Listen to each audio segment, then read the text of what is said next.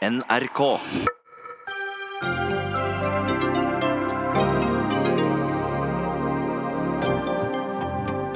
FrPs bompengekrav møter ingen forståelse i KrF og Venstre. Hva i all verden skal Frp gjøre nå? Aviskommentatorer utelukker ikke regjeringskrise. Fafo-rapport lokket fram rasistiske holdninger med enkle, ledende og tvetydige spørsmål, hevder Kjetil Rollnes. Kaller rapporten sjokkerende dårlig. D-dagen var ikke så viktig for seieren over Tyskland, sier nestkommanderende ved Forsvarsmuseet. I dag er det 75 år siden invasjonen i Normandie. Og pøbelgran og utenlandske treslag ødelegger norsk natur, hevder Naturvernforbundet. Grantypen er med å redde klimaet, svarer skogeierne.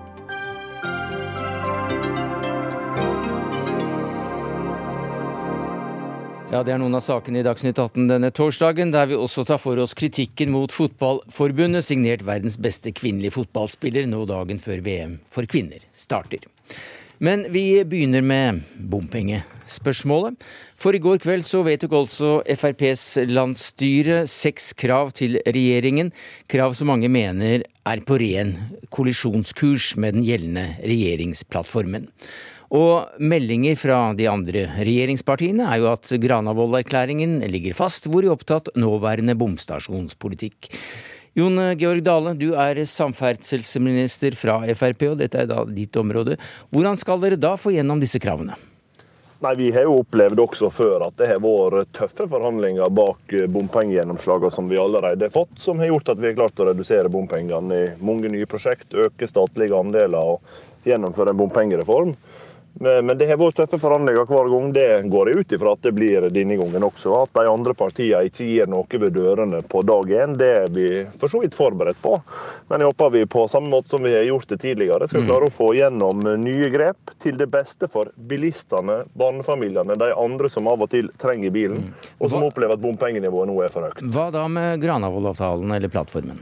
Det er veldig mange gode gjennomslag for Frp i Granavolden-plattformen. og Vi er utålmodige til å komme i gang med dem, ganske enkelt fordi at de gjennomslagene som vi også forhandler oss til der, kan være med på å gi eh, mange eh, folk i og rundt de store byene en enklere hverdag. Og Det er det vi er opptatt av. Det er til sjuende og sist resultatet det har for vanlige folk vi er opptatt av. og Derfor eh, har vårt landsstyre også pekt på nye områder som det er viktig med gjennomslag på, ja, for at vi faktisk skal forbedre hverdagen La oss ta et par av de uh, her nå. Uh, kravene eller punktene dere har vedtatt, uh, går bl.a. ut på å stoppe nye bypakker. Det ble dere enige om i går på landsstyremøtet. Men i Granavolden-plattformen står det regjeringen legger til grunn økt satsing på slike bypakker. Hvordan går dette i hop? Jeg mener jo grunnleggende sett at den situasjonen vi nå ser, ikke bare i de byvekstområdene som vi har de fire store byene, men i en del mindre kommuner at vi ser at bompengegiveren er altfor stor. Det blir for dyrt for bilistene. Jo, det er greit nok, det er klart. Forstår, men altså, nå drar jeg opp eh, gårsdagens uh, vedtak på landsstyremøtet i forhold til den erklæringen eller plattformen som dere signerte ved juletider. Der står det at det skal være økt satsing på slike bypakker som dere nå vil ha bort. Ja, Men at vi skal satse økt på de pakkene, betyr at vi skal øke den statlige andelen i flere av disse pakkene. Det har vi jo gjort, f.eks. i budsjettet for 2019, der vi satsa på disse bypakkene med å levere statlige midler. Bompengegiveren kommer primært fra andre enn eh, dagens regjering fra Fremskrittspartiet. Men det gjør jo at vi også må ta nye grep, fordi bompengenivået blir uakseptabelt høyt i en del byområder. Og Det er derfor vi sier det er på tide å ta folk på alvor. Det som vi ser rundt om i landet nå, er ikke indirekte protester mot et bompengenivå som folk kunne ha tålt. Det går utover hverdagen mm. til folk, og det har Fremskrittspartiet tenkt å ta på alvor. Terje Breivik, nestleder i Venstre. Vi hører her at samferdselsministeren fra Frp sier at uh, dette betyr bare at staten må inn med større midler når det gjelder f.eks. disse bypakkene som ble vedtatt uh, i uh, Granavolden-erklæringen. Hvis, hvis, han tar til orde for at staten skal inn med større midler i, i, i bypakkene, så, ja, det, det, det han akkurat så er det jo det en politikk som et syn som Venstre deler. Sant, å få opp den statlige, statlige medfinansieringen, eh, sånn at du kan få mer, enda mer kollektiv satsing, enda mer satsing på, på gang- sykkelstier, og, og sikre enda større framkommelighet altså for, for det næringslivet som trenger, Ja. som trenger veier å, å kjøre på. Men da har vi løst det problemet allerede. Altså Dere er helt enige med, med Frp når det gjelder akkurat bypakkene, at, eh, at staten må inn med større midler, og at bompengeordningen må da justeres ned. Eh, hva gjelder bompenger, så har vi, vi legger jo Granavolden til, til grunn. Sant? Og Der har jo vi gitt Frp ganske store innrømminger på bompengespørsmålet. En sju-åtte større punkt som regulerer det. Eh, Granavolden har òg en veldig fin balanse mellom behovene til, til Frp og Venstre sin, eh, sin kamp for klima, renere luft i byene og mindre kø i, i byene. Ja, Men dette lar seg altså da løse med forhandlinger, tror du? Eh, Venstre er ikke innstilt på å gå til noen reforhandlinger på Granavolden. Vi legger Granavolden til grunn, men vi selvsagt alltid bydde på. Og da har vi jo daglig gode samtaler med de andre regjeringspartiene hva gjelder de å følge opp ulike punkt i, i Granavolden. Så, så her er det ikke snakk om å reforhandle noe i Granavolden-plattformen eh, i det hele tatt, slik Frp jo vil med å endre bompengeordningen. Eh, det pågår ingen forhandlinger om regjeringsplattformen. Men, men det kan komme? Eh, Venstre er ferdig med å forhandle regjeringsplattformen. Og vi legger jo den til grunn når vi nå òg skal inn i samtaler med, med, med Frp om, om de behovene som Frp har. Ja, Avviser har altså Venstre at eh, det er noe i Granavolden-plattformen som kan forhandles om på nytt, særlig når det gjelder bompengeordning? Venstre går inn i disse samtalene med, med, med Granavolden som grunnlag. Så er vi selvsagt budd på å ta, ta samtaler om hva slags tiltak som skal prioriteres, til dømes i budsjettet 2020.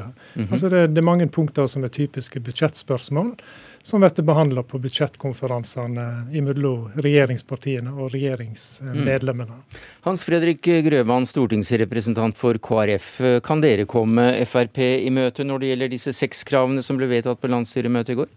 Det er overhodet ikke aktuelt for KrF eh, å reforhandle plattformen som vi har eh, fått fram på, på Granavolden, som er et uttrykk for en enighet mellom de fire partiene. Så jeg syns det blir useriøst eh, å tro at en skal fra FrPs side at de andre partiene skal etterkomme nye krav som ikke eh, finnes i den plattformen som vi allerede er blitt enige om.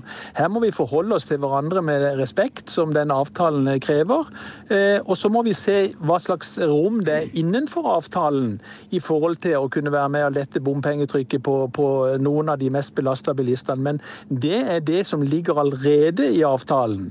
Eh, Det å si nei til nye bypakker, si nei til nye byvekstavtaler, det er grep som vi er helt imot. Nettopp byvekstavtaler og bypakker har vist seg å være viktige og nødvendige grep for å kunne bidra til å nå våre klimapolitiske målsettinger. Da kan vi ikke sette i gang verken ny forhandlingsrunde eller avvikle tiltak som fungerer. Dette handler om vår klimamål og hvordan vi skal nå disse på best mulig måte. og Her må også Frp ha den respekten for oss andre at ikke en fire måneder etter at en forhandla en avtale, setter i gang og tar initiativ til en ny forhandling. Da kan vi sette fram mange krav. Ja. Så dette er helt uaktuelt fra, vår eh, side. Og så må vi diskutere hva plattformen egentlig gir rom for. Ja, og det kan vi gjøre nå, Jon Georg Dale, samferdselsminister. Altså, du, er det manglende respekt når dere går ut med slike krav og tror at dere kan gjøre noe med Granavolden-avtalen? Nei, Det er en enorm respekt for de eh, delene av befolkninga som nå opplever et metningspunkt på bompengenivået. Det blir for dyrt for folk, for, for hverdagen til å gå opp. Det går utover familieøkonomien, og det tar vi på alvor. Det har vi gjort før. Men hva er sier, men, men, men- men, men- hva, sier du, hva sier du da til Hans Fredrik Grøvan, som setter en strek ved at det er ikke noe som skal forhandles når det gjelder selve denne avtalen som allerede er inngått? Det er ingen overraskelse fra meg at verken KrF eller Venstre står hardt på det bompengenivået som vi har hatt i Norge. Hver gang vi har forhandla bompengesaker, så er det Frp som måtte ha drevet gjennom de reduksjonene vi har fått til i bompenger. Sånn er det nok helt sikkert også denne gangen, men den jobben har vi tenkt å gjøre. Av respekt for alle de som faktisk opplever at det blir vanskeligere å få hverdagen til å gå rundt. fordi bompengene bompengenivået er for hva sier du til det? Det blir også en ekstrarunde her. Altså, Det blir ingen forhandling i forhold til det som ligger i plattformen, men i plattformen så er det beskrevet noen tiltak som skal vurderes. Bl.a. skattelette for de som blir mest belasta. Det skal vi selvfølgelig vurdere og se om det er muligheter for. Det er også snakk om at eh, kostnadsbesparende tiltak for veiutbygging som kan komme bilistene til gode. Men poenget er at alle disse tiltakene må vurderes i en helhetlig sammenheng. For oss i KrF så handler det om bedre skole, flere lærere, kamp mot fattigdom, mer barnetrygd. Altså, Vi kan ikke da sette opp ett tiltak og si at dette skal ha forrang og forkjørsrett framfor alle andre. Dette handler om en helhet. Det er en god balanse i gjennomslagene i plattformen. Det må også ivaretas i fortsettelsen hvis vi fortsatt skal ha eh, respekt for hverandre og utvise respekt for den avtalen vi nå har kommet fram til, og som er knapt et halvt år gammel. Terje Breivik, hvordan tror du disse forhandlingene nå kommer til å skje? Er det partilederne som skal samles og, og snakke om dette her, eller hva vil skje nå? Noe må vel skje? Det er jo et spørsmål som primært Jon Georg og Frp eh, bør svare på, i og med at det er de som nå har et, har et ja. ekstraordinært behov ut, ja. ut, utover Granavolden-regjeringsplattformen. Det, det, har du selvfølgelig helt rett i, så da spør jeg Jon Georg Dale. Hvordan, hvordan skal dette skje nå? Er det partilederne som må ta tak? Ja, jeg regner med at de fire partilederne, som de har gjort mange ganger før på Fremskrittspartiets initiativ, bidrar til å finne løsninger som gjør at vi får ned bompengene på et akseptabelt nivå. At vi hindrer den kostnadsveksten vi nå ser i en del byområder, som gjør at eh, bompengene kan løpe løpsk. Vi må få stramma inn, vi må få kutta kostnader, sånn at bompengene ikke fortsetter å vokse inn i himmelen. Heller må vi mm. klare å redusere dem. og Det er utgangspunktet vårt for disse samtalene, disse forhandlingene med de andre partiene. Det er altså at dette handler ikke om det ene partiet vinner eller taper. Det handler om at folk der ute folk der ute opplever et bompengenivå som de ikke har råd til å betale for å få hverdagen til å røyse opp. Det har vi hørt deg si et par ganger nå, men, det er klart at det handler om å vinne og tape også. for at Det er mye å vinne for Frp i denne saken. Det er derfor dere tar den opp eh, såpass eh, bredt. Og, og Breivik, kan dere helt til slutt her, kan dere gå inn for å begrense disse bypakkene? Bypakkene er jo kanskje den viktigste suksessfaktoren for at vi faktisk rimelig kjapt har fått gjort noe både med klimagassutslipp, ikke minst, ikke minst urein luft, altså luftproblematikken i de største byene. Parallelt med at man har fått mm. redusert køene. Ja, det, det, det, og, dette er jo en av de, jo en av de store Det var analysen, men spørsmålet var kan dere gå med på å redusere bypakkene? Dette er jo en av de store sigrene til Venstre i, i regjeringsplattformen. Så det er klart for Venstre å fire på, på, på ting som går utover klima klimasatsing, tiltak som får redusert klimagassutslipp, eh, sikre renere luft, i en situasjon mm. hvor det er en klimakrise som er større enn en noen gang, er rimelig, rimelig lite realistisk. Så det er rimelig lite realistisk at Venstre blir med å redusere bypakkene, det er det du sier? Venstre skal selvsagt ta en debatt i, og samtale med de andre tre regjeringspartiene på hvordan vi skal følge opp. Mm. Og innrette, altså om du kan gjøre noe med bypakkene for å få mer for pengene. Det skulle mm. bare mangle. Eh, så den type, den type samtaler går vi jo mer enn mer gjerne inn i. Og på samme måte som vi mer enn gjerne går inn i samtaler om hvordan vi skal følge opp de ulike, ulike ja. punktene i regjeringsplattformen. Og da, da, har også KrF og Venstre nå sagt at de blir med på disse forhandlingene, men eh, Venstre er ikke så veldig lystne på å redusere bypakkene. Var det en grei oppsummering, Breivik? For, Venstre så er det, er det, uaktuelt at vi skal ta omkamper, nye forhandlinger på, på tiltak som, som, bidrar til å få gjort noe med klima, klimagassproblemet, luftproblematikken i byene. Takk skal du ha, Breivik, nestleder i Venstre, til Jon Georg Dale, samferdselsminister for Frp, og Hans Fredrik Grøvan, stortingsrepresentant for Frp. Ja, det var så langt vi kom i denne runden kanskje litt forvirrende, så vi får rydde litt opp her. Morten Miksvold. Myksvold, du er politisk kommentator i Bergens Tidende. Eh, hva, hva fikk du ut av dette? Nei, Det overrasker meg jo litt at Venstre ikke kan være tydeligere og bare si nei, en skal ikke kutte i bypakkene, en skal ikke stoppe bypakkene. Det er helt uaktuelt å bryte Nasjonal transportplan, det er helt uaktuelt å bryte Granevolden-erklæringen. Det burde vært ganske enkelt å, å si det. Eh, Frp sitt landsstyre som møttes i går, de møttes òg i januar.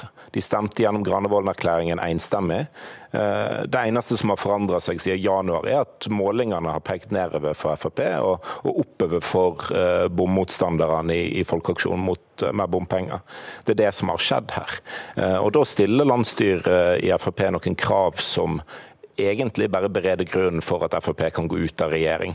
De stiller, stiller noen krav som, som, Venstre, KrF og Høyre egentlig ikke kan godta. De kan ikke bare kansellere den delen av Nasjonal transportplan som angår byene. Eh, det, det, det går jo ikke an å se for seg at eh, at, en, at, Erna Solberg sin regjering skal, skal, bare sitte og se på at, at, at byene sin infrastruktursatsing bare faller fra. og så eneste som er igjen av av uh, satsing i byene, da intercity i Oslo, som, som blir utsatt og utsatt. Uh, det, det, det, går jo ikke an. Martine Aurdal, du er kommentator i Dagbladet, og du har skrevet en bok om Siv Jensen. Hvordan tror du hun ser på denne situasjonen i dag, dagen derpå, så å si? Siv Jensen har jo sagt i flere intervjuer i løpet av dagen i dag at hun syns gårsdagens møte var krevende.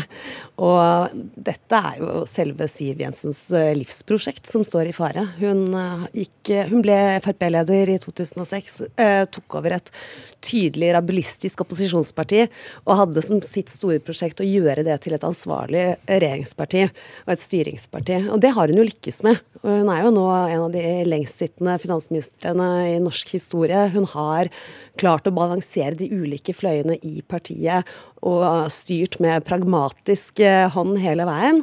Men den krisen som bompengeopprøret bompengeoppgjøret er, eh, setter jo dette prosjektet i akutt fare. Ja, Hva slags grep er det hun da kan, kan ta her, da, som regjeringsleder, for å tekkes både Frp, KrF og Venstre? Det som først og fremst kjennetegner Siv Jensen eh, som politiker, er jo en beinhard pragmatisme. Og det er jo en egenskap hun deler med statsminister eh, Erna Solberg. Så jeg tenker at de to eh, sannsynligvis allerede er langt i gang med å bryte ned samferdselspolitikken i bitte små deler, for å se om de kan gi noen klare seire til sentrumspartiene eh, for å kunne gi noen eh, innrømmelser mm. til Frp for å i det hele tatt å redde regjeringen. Ja, Morten Miksvold, vi, vi, hørte jo her at KrF og Venstre sa at ja, det kan alltids være noe å forhandle om, men akkurat Granavolden-avtalen, ja, eller plattformen, den, den, den står. Hva får du ut av det? Nei, det, det, er jo selvsagt at, at KrF Venstre ikke kan, kan, gå med på en sånn storstilt om, om uh, reforhandling av, uh, av, hele avtalen. Altså, KrF lidde seg gjennom en, en veldig smertefull retningsvalgsprosess i, i fjor uh, for å gå inn i denne regjeringen her, og så fire og en halv måned etterpå så skal alt tas på nytt.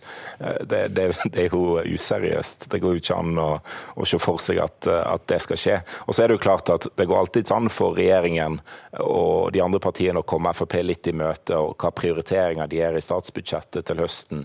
Altså, altså innenfor Granevolden, er jo òg mulig å, å, få noe til. Spørsmålet er om det er nok eh, eh regjeringen kan gjøre for å både blidgjøre eh, de i FrPs landsstyre som, som, vil ut av regjering, og som er lei av dette bompengenivået, og om det er nok eh, tiltak de kan sette i verk for å faktisk snu eh, velgerstemningen. Eh, fordi Frp har tapt mange velgere til eh, bompengepartiet. Eh, og det er ikke sikkert at de får de tilbake igjen bare fordi mm. at de flikker på litt bompengegjeld.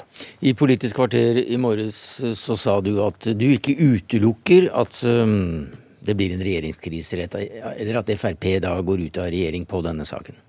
Nei, altså Det har i hvert fall blitt mer sannsynlig med regjeringskrise etter det landsstyremøtet i går.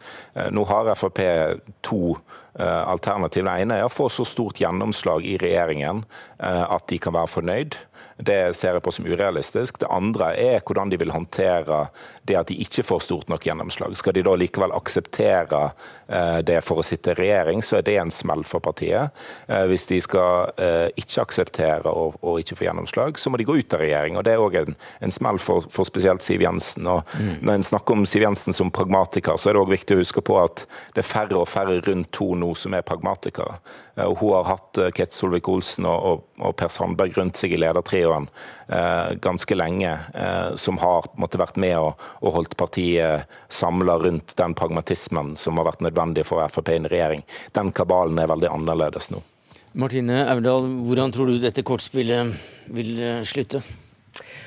Nei, det, det, blir spennende å se. Det store paradokset i denne saken er jo at eh, rekordhøye bompengesummene eh, skyldes jo at Frp har fått stort gjennomslag i regjering. De har hatt finansministeren og samferdselsministeren i seks år, og dermed sørget for en rekordstor eh, motorveiutbygging over hele landet. Og de har gjort det ved å inngå kompromisser som det er vanskelig å gå tilbake på. Mm. De skal være et, eh, et eh, regjeringsparti, et styringsparti, og da kan det ikke bare snu 180 grader. Men jeg tror nok det er ganske mange i Frp som ser at uh, på meningsmålingene så kunne det å gå ut av regjering på denne saken gi dem et oppsving. Ikke utelukke regjeringskrise.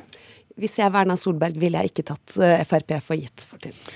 Takk skal eh, du ha, Martine Aurdal, kommentator i Dagbladet, og til deg, Morten Myksvold, politisk kommentator i Bergenstidene.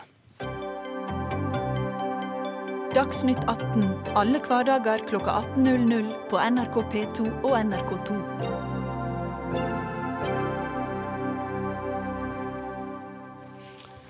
Da skal vi over til en uh, sak som dreier seg om, uh, om, forskning og om forskningsrapporter. For i en spørreundersøkelse svarte en av fire at uh, noen menneskeraser rett og slett er smartere enn andre. At ideen om rasehierarkier er så utbredt i Norge, fikk da mye oppmerksomhet, bl.a. her i NRK for noen uker siden. Bakgrunnen var Fafo-rapporten 'Holdninger til diskriminering, likestilling og hatprat i Norge'. Og dette er da en rapport som du likte dårlig, Kjetil Rollnes, sosiolog og skribent. Den er sjokkerende. Sjokkerende dårlig, skrev du i Aftenposten. Hvorfor det? Ja, altså Funnet er sjokkerende, men eh, altså, først og fremst syns jeg at eh, forskningsrapporten, forskningen, er sjokkerende. Mm. Altså Jeg mener jo at Fafo har um, ved bruk av et, et, um, et ledende spørsmål, eller et slags lurespørsmål, har da fått én av fire nordmenn til å bli rasister, eller uh, som det står i uh, avslutningen av rapporten. Altså, hver fjerde nordmann tenker at det finnes menneskeraser og at disse rasene kan rangeres etter intelligens. Og det står til og med enda sterkere i en, i en mellomtittel i avslutningen. Altså ideer om rasehierarkier er fremdeles utbredt i Norge.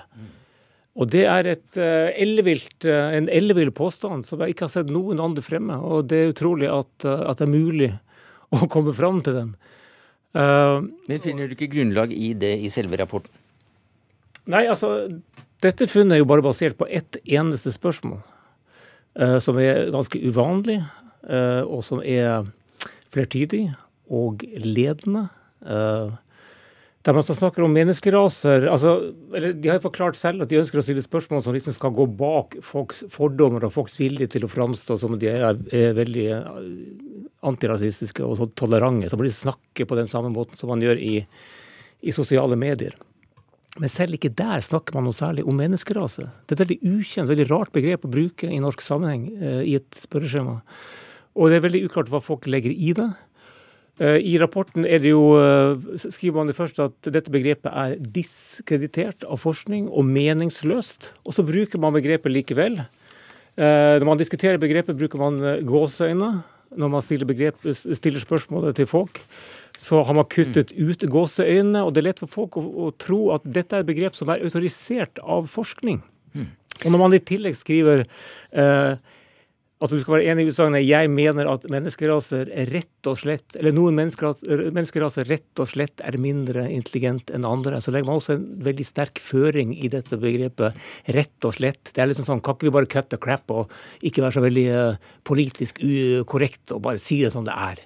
Enkle, ledende og tvedige spørsmål, tvetydige spørsmål, det er altså det dere baserer dere på her, eh, ifølge Kjetil Rollnes. Hva sier du til det som, som leder for forskningsstiftelsen Fafo, Tone Fløten? Jeg syns det er interessant at Kjetil Rollnes så lett lar seg sjokkere. Dette er en rapport uh, som omhandler uh, hva folk mener om ulike former for diskrimineringsgrunnlag. Det er egentlig for å se på diskrimineringsloven. Et av, av, grunnlagene for diskriminering er jo etnisitet. Eh, og vi har forsøkt å finne ut er det sånn at folk faktisk syns at folk som har ulik etnisk bakgrunn, blir diskriminert i Norge. Og i tilfelle syns de det er greit, eller mener at man skal gjøre noe med det. Så er det stilt et spørsmål for å se, altså spilt en ulike spørsmål for å se hva mener man for øvrig om, eh, om likestilling, om homofili, om etniske minoriteter osv. Og, så videre, og et av spørsmålene etter rasespørsmålet. Vi har i etterkant sagt at dette spørsmålet burde vi stilt på andre måter.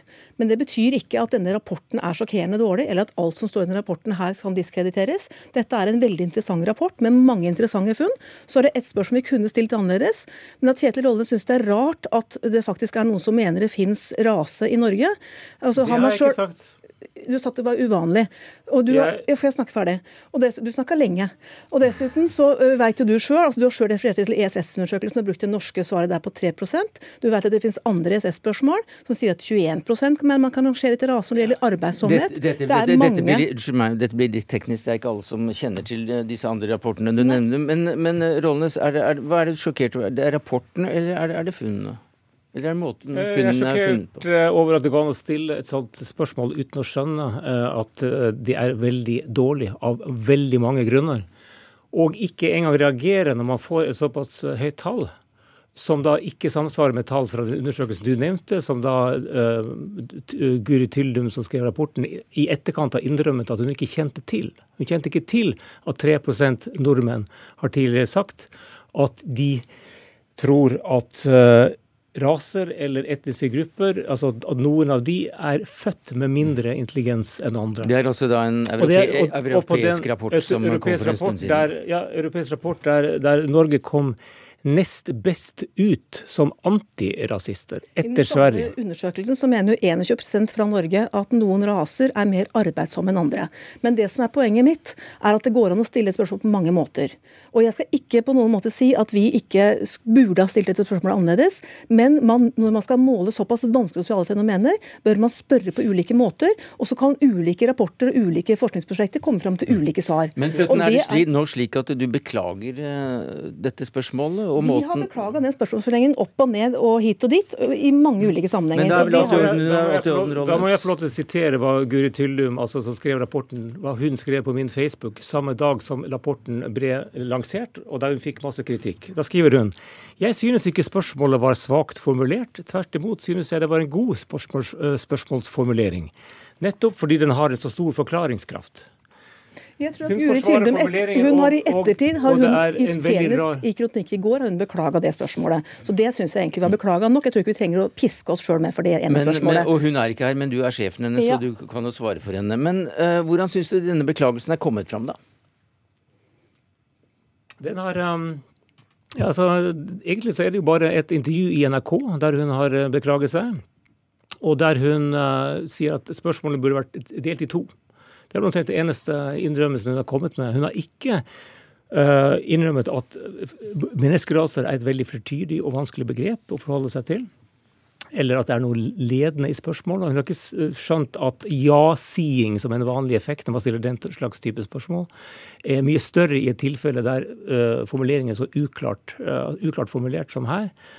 Eh, og uh, hun har svart veldig mye rart rundt omkring på undertrådet på Facebook. Uh, som, altså, jo mer jeg leser svarene hennes, jo, jo, mindre klok blir jeg. I går hadde Guri en kronikk på NRK Ytring hvor hun skriver veldig tydelig om problemet med ja-siing. Og hun også anerkjenner at det kan være tvetydighet i et sånt spørsmål. Så jeg, jeg, altså, Vi kan godt sitte her og beklage deg fram og tilbake i ulike måter, men dette har vi beklaget, Kjetil. Tror du at én av fire nordmenn eh, bekjenner seg til ideen om rasehierarkier. Altså, det står til og med 'fremdeles' tenker sånn. altså Man refererer til tidligere tiders raseteorier.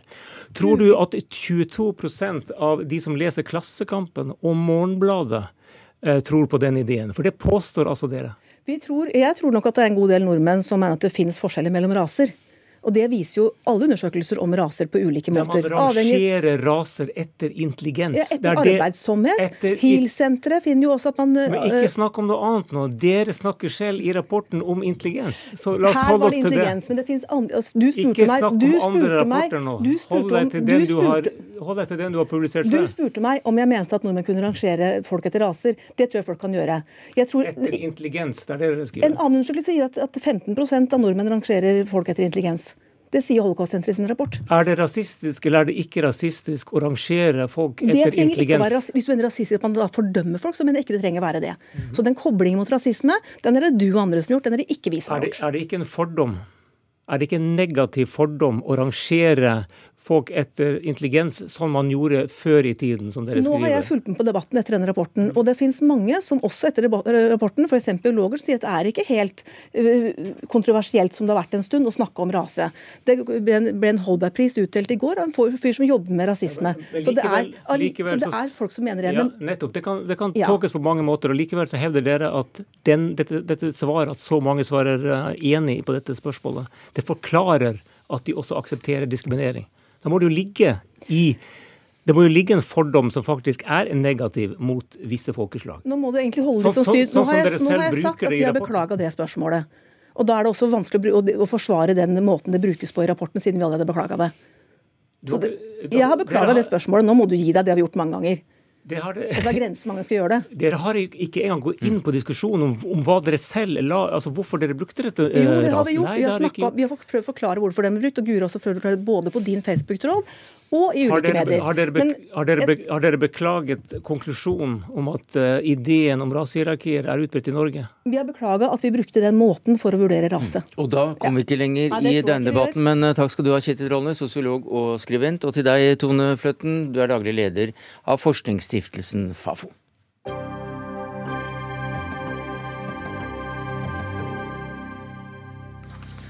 Senere i denne sendinga skal vi høre en oberstløytnant fortelle hvorfor D-dagen er oppskrytt som forklaring på at tyskerne tapte andre verdenskrig.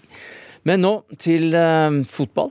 For verdens beste fotballspiller på kvinnesiden er norsk, men hun stiller ikke på det norske landslaget under fotball-VM. I et nylig publisert intervju i fotballbladet Josimar, Josimar, forteller hun om flere negative opplevelser hun hadde da hun spilte på det norske landslaget. Og i morgen begynner fotball-VM, og du liker denne timingen dårlig, Leif Welhaven, sportskommentator i VG. Hvorfor det? Altså jeg lurer litt på hvorfor hun uh, ser seg tjent med å utdype uh, denne kritikken akkurat uh, nå. Altså det, det, har jo vært en konflikt mellom eh, Hegerberg og NFF som har vedvart over lang tid. Og jeg er veldig glad for at hun nå konkretiserer litt hva hun har vært misfornøyd med. Men gitt hvor betent denne saken er, og at hun faktisk da har Det er et landslag som skal rett ut i et mesterskap. Så, og, så jeg er usikker på hvor klokt det er av Ada Hegerberg å velge en publikasjon som kommer ut akkurat nå, vel vitende om altså, hvilke, hvordan dette vil bli tolket som å helle bensin på bålet, som vi jo til de grader har sett at det blir gjort.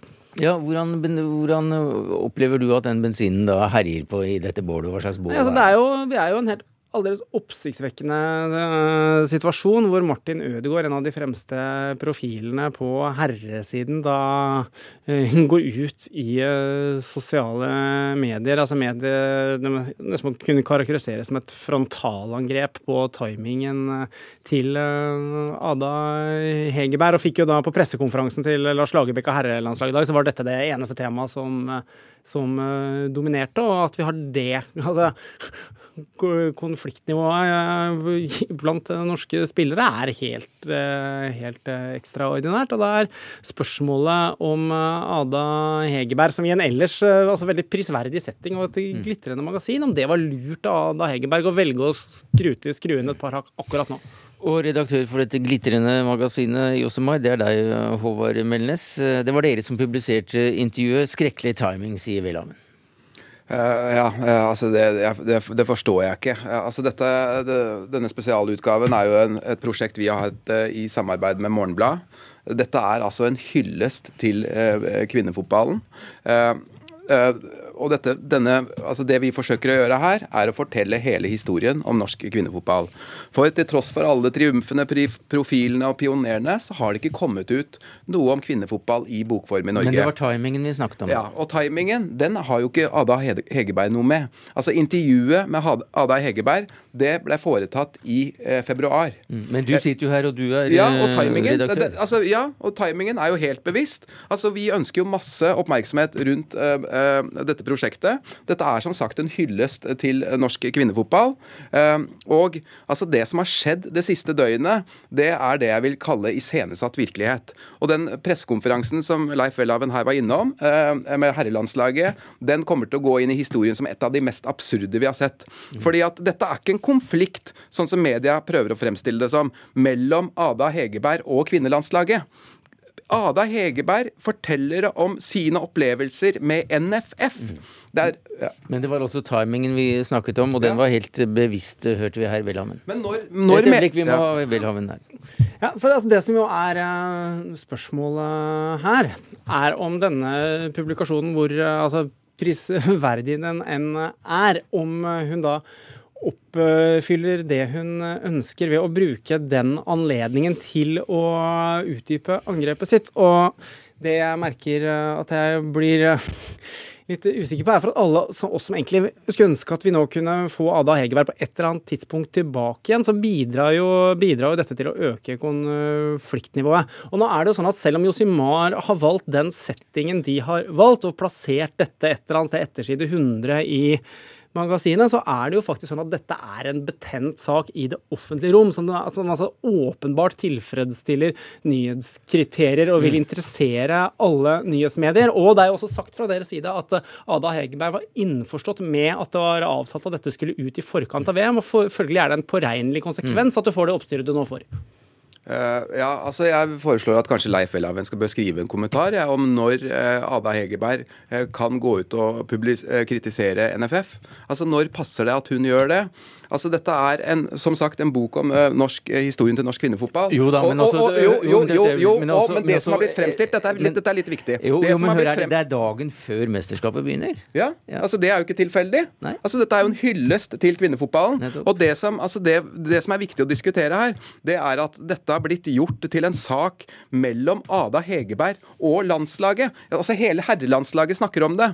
Det Ada Hegerberg gjør her, det er at hun tar opp kampen mot NFF, slik at fremtidige generasjoner med unge kvinnelige fotballspillere skal slippe å ta den samme kampen. Ja, fordi Den kritikken du kommer med, det er også den store forskjellsbehandlingen mellom herre- og kvinnesidene bl.a. I, i norsk fotball, med lønn og arbeidsvilkår. Og Det er ingen tvil om at det er godt dokumentert, og enda bedre dokumentert nå gjennom dette magasinet, at det har vært et kjempeproblem eh, over år. Fra Josimars side så skjønner jeg timingen godt. Fra nyhetsmedienes uh, side så er det åpenbart en stor sak i nyhetsbildet nå.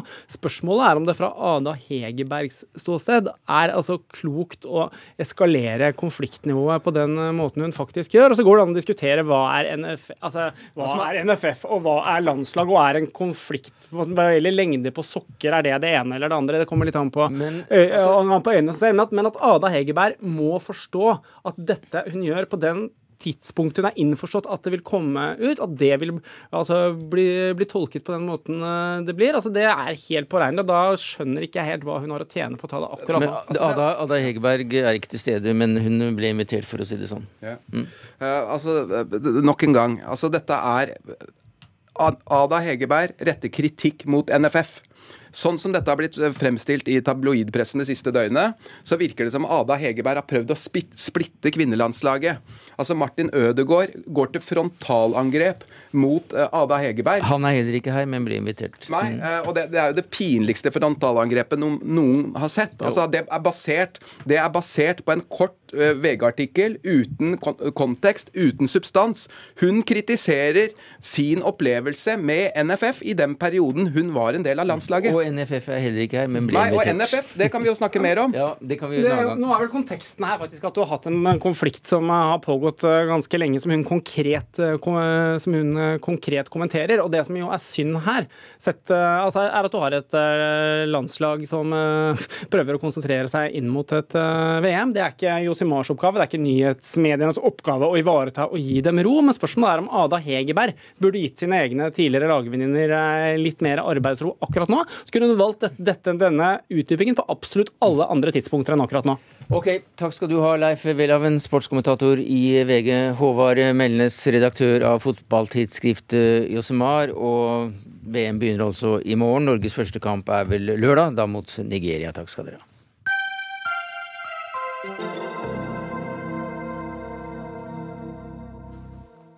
For vi skal til en 75-årsmarkering. I dag så er det nemlig 75 år siden D-dagen. Starten på de alliertes invasjon av Normandie, eller Frankrike, under andre verdenskrig. Etter en måned hadde fly og var det rundt 7000 skip, hvorav mange norske, fått ca. 1 million allierte soldater eh, på fransk jord. Hva slags invasjon var dette, professor Remitus Hans Fredrik Dahl? Det var Adolf Hitlers siste sjanse. Det var å slå tilbake den lenge forberedte invasjonen fra vest. Under hele den annen verdenskrig hadde jo tyske styrker bygget opp kanonfester og svære fortifikasjoner nettopp mot Storbritannia og ja, USA etter hvert. Og så kom da endelig invasjonen i juni 1944. Og det ble et forferdelig slag. En, et blodbad uten like. Men kjære, vi feirer jo det som den store innledningen av at nazismen var i ferd med å bli knust. Harald Høybakk, du er oberstløytnant og nestkommanderende Forsvarets uh, museer. Uh, hvordan beskrives denne dagen i litteraturen? Militært så er det jo den første virkelig store operasjonen hvor alle forsvarsgrenene er med, og flere nasjoner er med. Man hadde praktisert det i Middelhavet. Tyskerne gjorde det overfor Norge 9.4. og De brukte flere forsvarsgrener, men det var bare én nasjon som kom. Men uh, militært så er dette noe som innevarsler det som kommer senere. Altså Nato, mange nasjoner med, veldig store styrker. Viktigheten av godt stabsarbeid, planlegging, logistikk. Altså et vanvittig maskineri som må planlegges og settes i bevegelse for å klare å sette seg på landjorda, som jo alle hadde venta på ganske lenge. Norge var også med. Hvordan var Norges innsats her? Jo, ikke så, ikke så verst. Eh, vet du hva, vi hadde jo et førtitalls handelsskip, altså rekvirert av Nortraship, det statlige rederiet, styrt av regjeringen i London, slik at vi var med og frakte olje, viktige militære deler i denne kjempeinvasjonen. For det norske skip var med, og, og flyvåpen med to skvadroner. Og mange norske liv gikk tapt uh, også. Uh, Eisenhower ledet aksjonen. Været var eh, en bekymring? Ja, og er, eh, da står jo hele operasjonen og vipper. Og det er en veldig dramatisk situasjon. Når han noen dager før. Da er det veldig dårlig vær. Mer, dårligere vær enn normalt. Litt sånn som vi har det i dag, i hvert fall i Oslo. Spørsmålet er skal vi gjennomføre operasjonen hvis været er for dårlig og vi må avbryte, så vil det være en katastrofe. Mm. Og Han må da bestemme seg under tøft vær. Skal vi iverksette om en dag, om to dager? Han spør meteorologen, og meteorologen sier at jeg kan ikke gi deg noe annet enn det du har fått. Altså Jeg er ikke noe spåmann, så ut fra det vi vet, så tror vi kanskje at 6. juni er bedre enn 5. Tar du ikke 6., kanskje 7. Og Han går jo og tar den beslutninga til slutt. da, At vi må, vi må, gjøre det nå. og Det er lett å tenke seg altså Millioner av mennesker står og presser bak. Det er forventninger i Washington, London, Moskva. ikke sant, det der, Skal vi kjøre nå, eller skal vi ikke kjøre nå? Vanvittig risikabelt. Men så beskriver han også hvor når han har tatt den beslutninga, som er veldig enkel, skal vi kjøre eller skal vi ikke, så blir det altså for hans del helt stille. For da starter dette vanvittige maskineriet, og behovet for toppsjefen da er nærmest null. Så fra at alles oppmerksomhet til at ingens oppmerksomhet skjer i løpet av én beslutning. Vi gjør det nå. Og det var altså i dag de gjorde det. Eh, det slaget som ifølge lærebokene, bøkene i hvert fall på min tid, ble ansett å være det viktigste slaget for at Tyskland ble slått. Hvordan ser den historieforståelsen ut i dag, Høybakk? Utfallet av andre verdenskrig, altså hvordan krigen endte, det avgjøres i mye større grad på østfronten. Altså Det er russiske, sovjetiske liv eh, sammen med amerikanske utstyr som avgjør dette her. Og, og dagen? Nei, altså operasjonen som starter 22.6, altså et par uker etterpå, 22.6, operasjon Bagrasjon som den heter i øst, er større og viktigere. Og det er ikke tilfeldig at den starter 22.6, det er altså på treårsdagen fra det tyske angrepet på Sovjetunionen. Så med tanke på utfallet av andre verdenskrig, så er ikke D-dagen så viktig som tradisjonen vil ha det til. Men det er avgjørende viktig for etterkrigstiden. For Hadde de ikke klart å sette seg på land, hadde de blitt kasta ut igjen av tyskerne, så vet vi jo ikke hvor Den røde armé hadde stoppa. Den kunne altså bevega seg helt til kanalen, og da hadde moderne europeisk historie sett helt annerledes ut. Også norsk? Også norsk, vil jeg tro. Mm. Ja, absolutt. Norsk. Jeg vil understreke, bortsett fra de militære, som er interessant og spennende ned i hver eneste detalj om dette vanvittige slaget, vil jeg understreke da det politiske. Fordi en ting er da skal vi si, at hvis den hadde mislykkes, så hadde invasjonen blitt en katastrofe. En katastrofe for Europa. Men det var også et press fra, fra sovjetsamveldet på at de skulle gjøre noe fra vest. Churchill han fikk jo ustanselig spørsmål. 'Når er du klar? Når kan du gjøre noe?' Og så. Og han sa ja, vent og vent og vent. Og 1942, 1943 gikk vi endelig. I 44 kom det. Så 1944-invasjonen har altså en stor politisk betydning for skal vi si, balansen mellom øst og vest, slik den ble.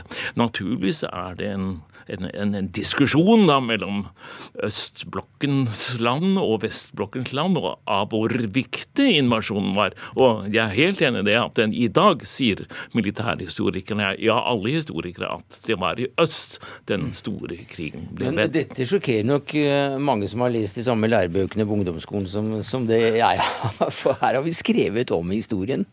Nei, det, Så drastisk er det vel ikke. Ja. Altså, og det er jo ikke noe veldig ny analyse. Jeg har aldri, aldri, lest om var det bagra, bagrasjon nei, nei, men det er heller ikke noe altså, Det er en kjempestor operasjon. Og, og hva sier man? Er det åtte av ti uh, tyskere som, uh, som, faller under andre verdenskrig? Faller på østfronten? Uh, Sette litt i perspektiv. altså Under første verdenskrig så har britene sin mørkeste dag ved Somme. Da mister de altså 20 000 mann, blir drept på den dagen. Mm. Eh, sovjeterne mister 20 000 mennesker hver eneste dag gjennom hele andre verdenskrig. Det er et vanvittig mannefall på øst, østsiden, og det er der tyskerne taper andre verdenskrig, for å sette det på spissen. Men det er klart, russerne hadde ikke klart det uten hjelp fra, på materiellsida fra, fra Vesten. Uh, og en krig avgjøres jo av en sånn totalsum, men det er klart at det er i øst. altså Tyskerne knekker ryggen. Det, ikke, det har ikke vært noe hemmelighet, det, vil jeg tro. Men størrelsen på slaget blir jo sagt å være et av det som må være verdenshistoriens største, så langt man vet. D-dagen. Ja. Den er større, den som kommer eh, i øst eh, to uker etterpå. Men, men det som er det er selve slaget, også selve antall mennesker der? Ja, men det som er med D-dagen, er jo at den skal over sjø. Den skal settes på land. Der står det jo altså vel forberedte tyskere som har brukt flere år på å befeste området, med, som vi har sett på film og andre steder. Så det er en veldig risikabel affære. Og når, når, de har satt seg på bakken, så har de jo spilt ut kortet sitt òg. Da er jo frykten at tyskerne da kan mobilisere enda større styrker og kaste de ut. Men tyskerne kan jo ikke vite heller. Er dette den egentlige invasjonen? Det, det vet vi nå. Men tyskerne visste ikke. 6.6 er dette en finte? Er det egentlig invasjonen? Og de vet jo at Patten han er lenger nord, og de tenker at Patten er de alliertes beste general. Han er ikke her, han er lenger nord. Så vi tror, og det trodde de i flere uker, at dette er ikke the real thing. Vi vet det. Altså det så det var veldig risikabelt. Eh, det gikk heldigvis bra. En annen tankevekkende ting er at vi kan jo tro at når invasjonen lykkes, så kunne jo tyskerne ha gitt seg. Men eh, så vidt jeg vet, så er det altså flere tyskere som faller etter D-dagen enn før. Det tror jeg absolutt. Det slik at uh, tross alt var jo dette et, et, år videre av den forferdelige annen verdenskrig som førte til et mangefall uten like. Så millioner falt etterpå som følge av dette. Men jeg vil si uh, når vi sitter her og feirer, og vår statsminister feirer invasjonen, så er det jo også fordi det var en mediekrig. Altså de tusenvis av soldater som ble satt i land med båter, som også fra Norge, de ble møtt av filmfotografer som sto til knes i sjøen på Normandies strender og filmet dette forfra, ikke sant? Og vi ser jo i fjernsyn ennå i dag strålende fargefilmer av slag slag, hvordan de velter inn, og hvordan de pepres av mitraljøser, og det hele, hvordan de faller om på stranden. Det er jo ingen andre hendelser under den annen verdenskrig som er så godt fotografert, så velregissert på film. Så det skulle bare mangle at vi ikke også husker det. Mm. Men vi husker det også fordi at uh, historien om hvor forferdelig hard motstanden var, uh, jo var ganske utbredt. Altså vi, som Dahl sier her, vi fikk, vi, fikk sett ganske godt at de ble pepret av tyske kuler. Ja, Det var jo variasjon på de ulike strendene i går i land på. Eh, noen er jo nesten ikke motstand på, andre er det atskillig Så det er vel en hva sier man, 10 000 eller noen av de allierte som faller den første dagen. og Det er jo et betydelig antall, men de var altså var 130 000 infanterister som er i bevegelse framover. Så det er betydelig tap, men det, frykten var at det kunne være enda mye større. Ja, nettopp. For eh, det er det jeg vil komme fram til. Altså, det ene er at eh, det slaget det dagen er litt oppskrytt når det gjelder uh, Tysklands betydning for Tysklands fall. Og det andre er vel styrken av motstand som vi har hørt og lest og lært at var, kanskje var større enn det den faktisk var. Ja, det vil jeg si, fordi det var jo på, på nippet at dette gikk godt.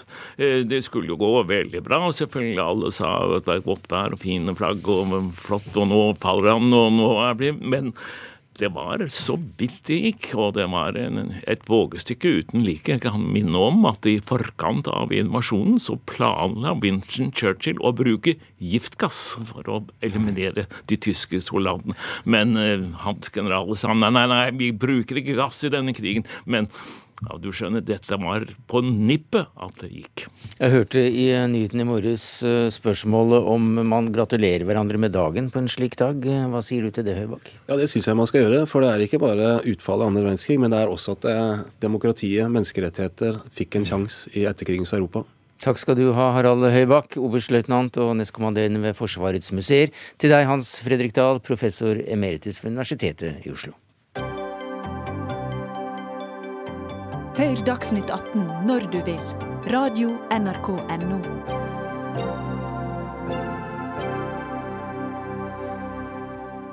Miljødirektoratet og Landbruksdirektoratet vil ikke forby utenlandske treslag i norske skoger. Og hva synes dere i Naturvernforbundet om det, Arnold Håpnes? Du er faglig leder der.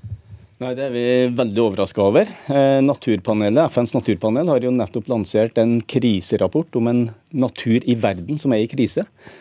To faktorer som er viktige i å skape den krisen, er menneskets arealbruk og menneskets bruk av fremmede arter. Ja, Hva er det som er så galt da med å ta inn utenlandske trær? Med fremmede arter. De sprer seg ukontrollert ut i naturen vår. De legger beslag på arealer som ødelegger arealer for eh, Eh, arter som uh, finnes der naturlig. Og de sprer seg og tar over, kan ta over trua naturtyper, spre seg inn i naturreservater og ødelegge norsk natur på mange måter. og Derfor er fremmede arter en av de store, stygge faktorene som ødelegger norsk natur og truer uh, arter og våre naturtyper. Hva sier du til det, Per Skorge, som admdir i Norges Skogeierforbund? Her eh, har eh, Miljødirektoratet og Landbruksdirektoratet gjort en vurdering ut ifra eh, klimahensyn, ut ifra biologisk mangfold og ut ifra det å skape verdier, verdiskaping. Og de har kommet fram til at det å lage et forbud her, det er ikke hensiktsmessig. Sett ut ifra de faktorene som de har vurdert, så har de ut fra en helhetsvurdering kommet fra at dette er ikke klokt. Og Skogeierforbundet må nok kunne si at vi av og til er uenige med Miljødirektoratet. Eh, men det betyr jo eh, ikke at vi ikke har tillit til de eh, når vi er uenige, at vi har tillit til de vurderingene de gjør. Og i dette tilfellet så er vi enige, og vi mener at de har gjort kloke overordna vurderinger. Ja, for jeg, jeg, ser at dere argumenterer også ut fra klimahensyn, nemlig at uh, disse pøbelgranene, eller hva de kalles, uh, ja, de betyr mye for å ta opp CO2. Mm. Og det må jeg bare si at jeg er veldig skuffa over Naturvernforbundet. fordi eh, Arnold Håpnes her eh, tok eh, og refererte til Naturpanelet, men nummer tre på lista, det var klimaendringene. Og eh, jeg tenker som så at, og vi i Skogen tenker som så at ja, vi må klare å ta både klima og naturmangfold. Og her er altså man ikke villig, på tross av at myndighetene og fagmyndighetene sier at dette er eh, akseptabelt, så er man ikke villig til å vektlegge klima, som også Naturpanelet var opptatt av. Ja, så hvorfor gjør dere ikke det, da? Vi ser bildene, har sett bilder nå mens dere har snakket av disse pøbelgranene. Ser jo flott ut, og hvis de suger til seg masse CO2, så er vel det bra? De er en stor trussel mot naturmangfold, og her må vi ha to tanker i hodet samtidig. Eh, direktoratsrapporten er dårlig og svak på det som går på artsmangfold og natur. Eh, når det gjelder klima, så er klimaargumenter misforstått med at, bruker, at det skal brukes fremmede granarter for å plantes ut på åpne områder og i løvskogsområder, som om vinteren har snødekke som reflekterer sollys og varmestråling fra jorda ut, mot, uh, ut, i atmosfæren igjen. Hvis vi planter granåkre i dette landskapet, så magasinerer det varmestråling på bakken. Og forsterke den negative klimaeffekten som vi allerede har. Og Dermed forsvant også klimaargumentet. Da, eh, nå har vi allerede vært innom Naturpanelet, og da er det greit å ta en tur innom Klimapanelet også. Eh, og de har i, i mange av sine scenarioer så er de helt klare på det bruk av skogen. Plante mer og bruke skogen mer aktivt. Det er helt nødvendig. Sånn at her er eh, Klimapanelet Jeg tenker at de har autoritet på dette området, så her må nok eh, Naturvernforbundet ta en runde til. Bruk av, klima er, eh, av skog er klokt i klimasammenheng. Og nå har vi akkurat sett at eh, ungdommen går ut på gatene og sier at vi må ha tiltak. Her eh, går Naturvernforbundet stikk motsatt retning og er ikke villig til å bruke de mulighetene vi har på tross av at her sier vi at vi kan ha styring på natur, dette hensynet til naturmangfold.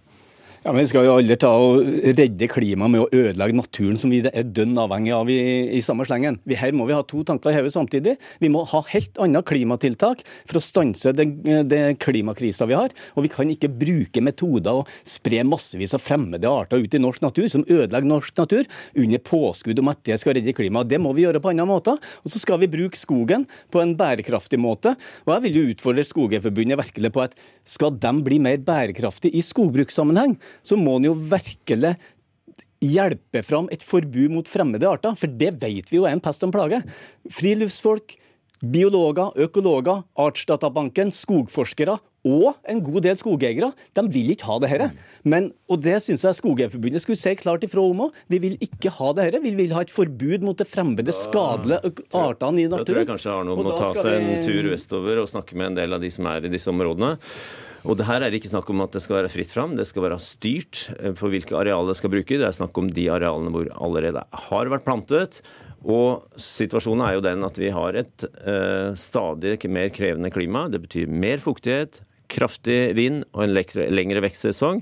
Og da avskjære oss fra muligheten for å kunne bruke treslag som er tilpassa det klimaet, det er rimelig meningsløst. Men samtidig så, så, er det vel slik at eh, staten også betaler for en del opprydning for å bli kvitt uh, disse pøbelgranene i visse områder? Eh, nå kjenner jeg ikke helt igjen i det begrepsbruken din, men eh, her tenker vi at eh, noen naturtyper så skal vi ikke ha den grana inn. Og eh, Eksempel på det er jo de kystlingheiene, som kanskje en del har et forhold til. Veldig flotte. Klart vi skal ta vare på de, men der handler det om å hindre at de gror igjen.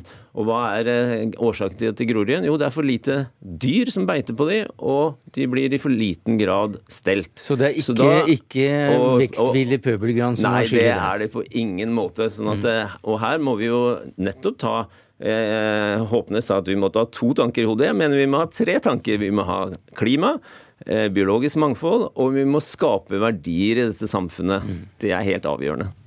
Og de Verdiene kan ikke skapes med å ha arter som sprer seg ukontrollert over mange kilometer fra de plassene de er planta. De sprer seg ut i kystlynghei, de sprer seg ut i naturreservater, de sprer seg ut på øyer. Det er ingen som passer på dem. Og det å fortsette med den politikken, det er fullstendig galskap. Fordi at fremmede arter er en av de aller største truslene vi har mot naturmangfoldet. Og det å akseptere det videre. Det håper vi i Naturvernforbundet at eh, Bollestad og Elvestuen, som skal avgjøre denne saken, Ministerne. vil statsrådene ja, vil vedta et forbud på tross av den rapporten som har kommet, for den er for svak på det faglige grunnlaget og for svak på klimaaspektet. Vi må bruke andre metoder i klimasammenheng. Direktoratene kunne altså ikke komme, men det kunne du, Per Skorge, som admdir i Norges Skogeierforbund. Hvor viktig er dette rent økonomisk? Det har, har, de også gjort vurderinger av. Og vi snakker jo om eh, dersom vi skulle forby å bruke den på en veldig styrt måte, hensynta eh, jo at det er, umulig å styre, om, det er umulig å styre, sier jo da så, Naturvernforbundet. Nei, det er jo på ingen måte riktig. Så det, jeg hører hva det blir sagt, men, eh, men, her er det jo snakk om at man har en styrt eh, bruk av dette her. Og den sprer seg på samme måte som ordinær gran ikke, sprer seg. Ikke raskere? Nei, det er tilnærmelsesvis likt. Nei, men det, men det, er jo bare tull. og Vi skal jo heller ikke ha gran på Vestlandet, for det er jo ikke na gran naturlig på Vestlandet. og Vi må hindre mm. det her pøbelartene, og det er òg fremmede arter i Innlands-Norge som vi bare må bli kvitt. Mm. Det er det, det beste. Det var det vi rakk i Dagsnytt 18 i dag. Takk til Arnold Håpnes og Per Skorge. Ansvarlig for det hele var Jaran Ree Mikkelsen. Det tekniske ansvaret hadde Eli Kyrkjebø. Jeg heter Sverre Tom Radøy. Dagsnytt 18 er tilbake i morgen.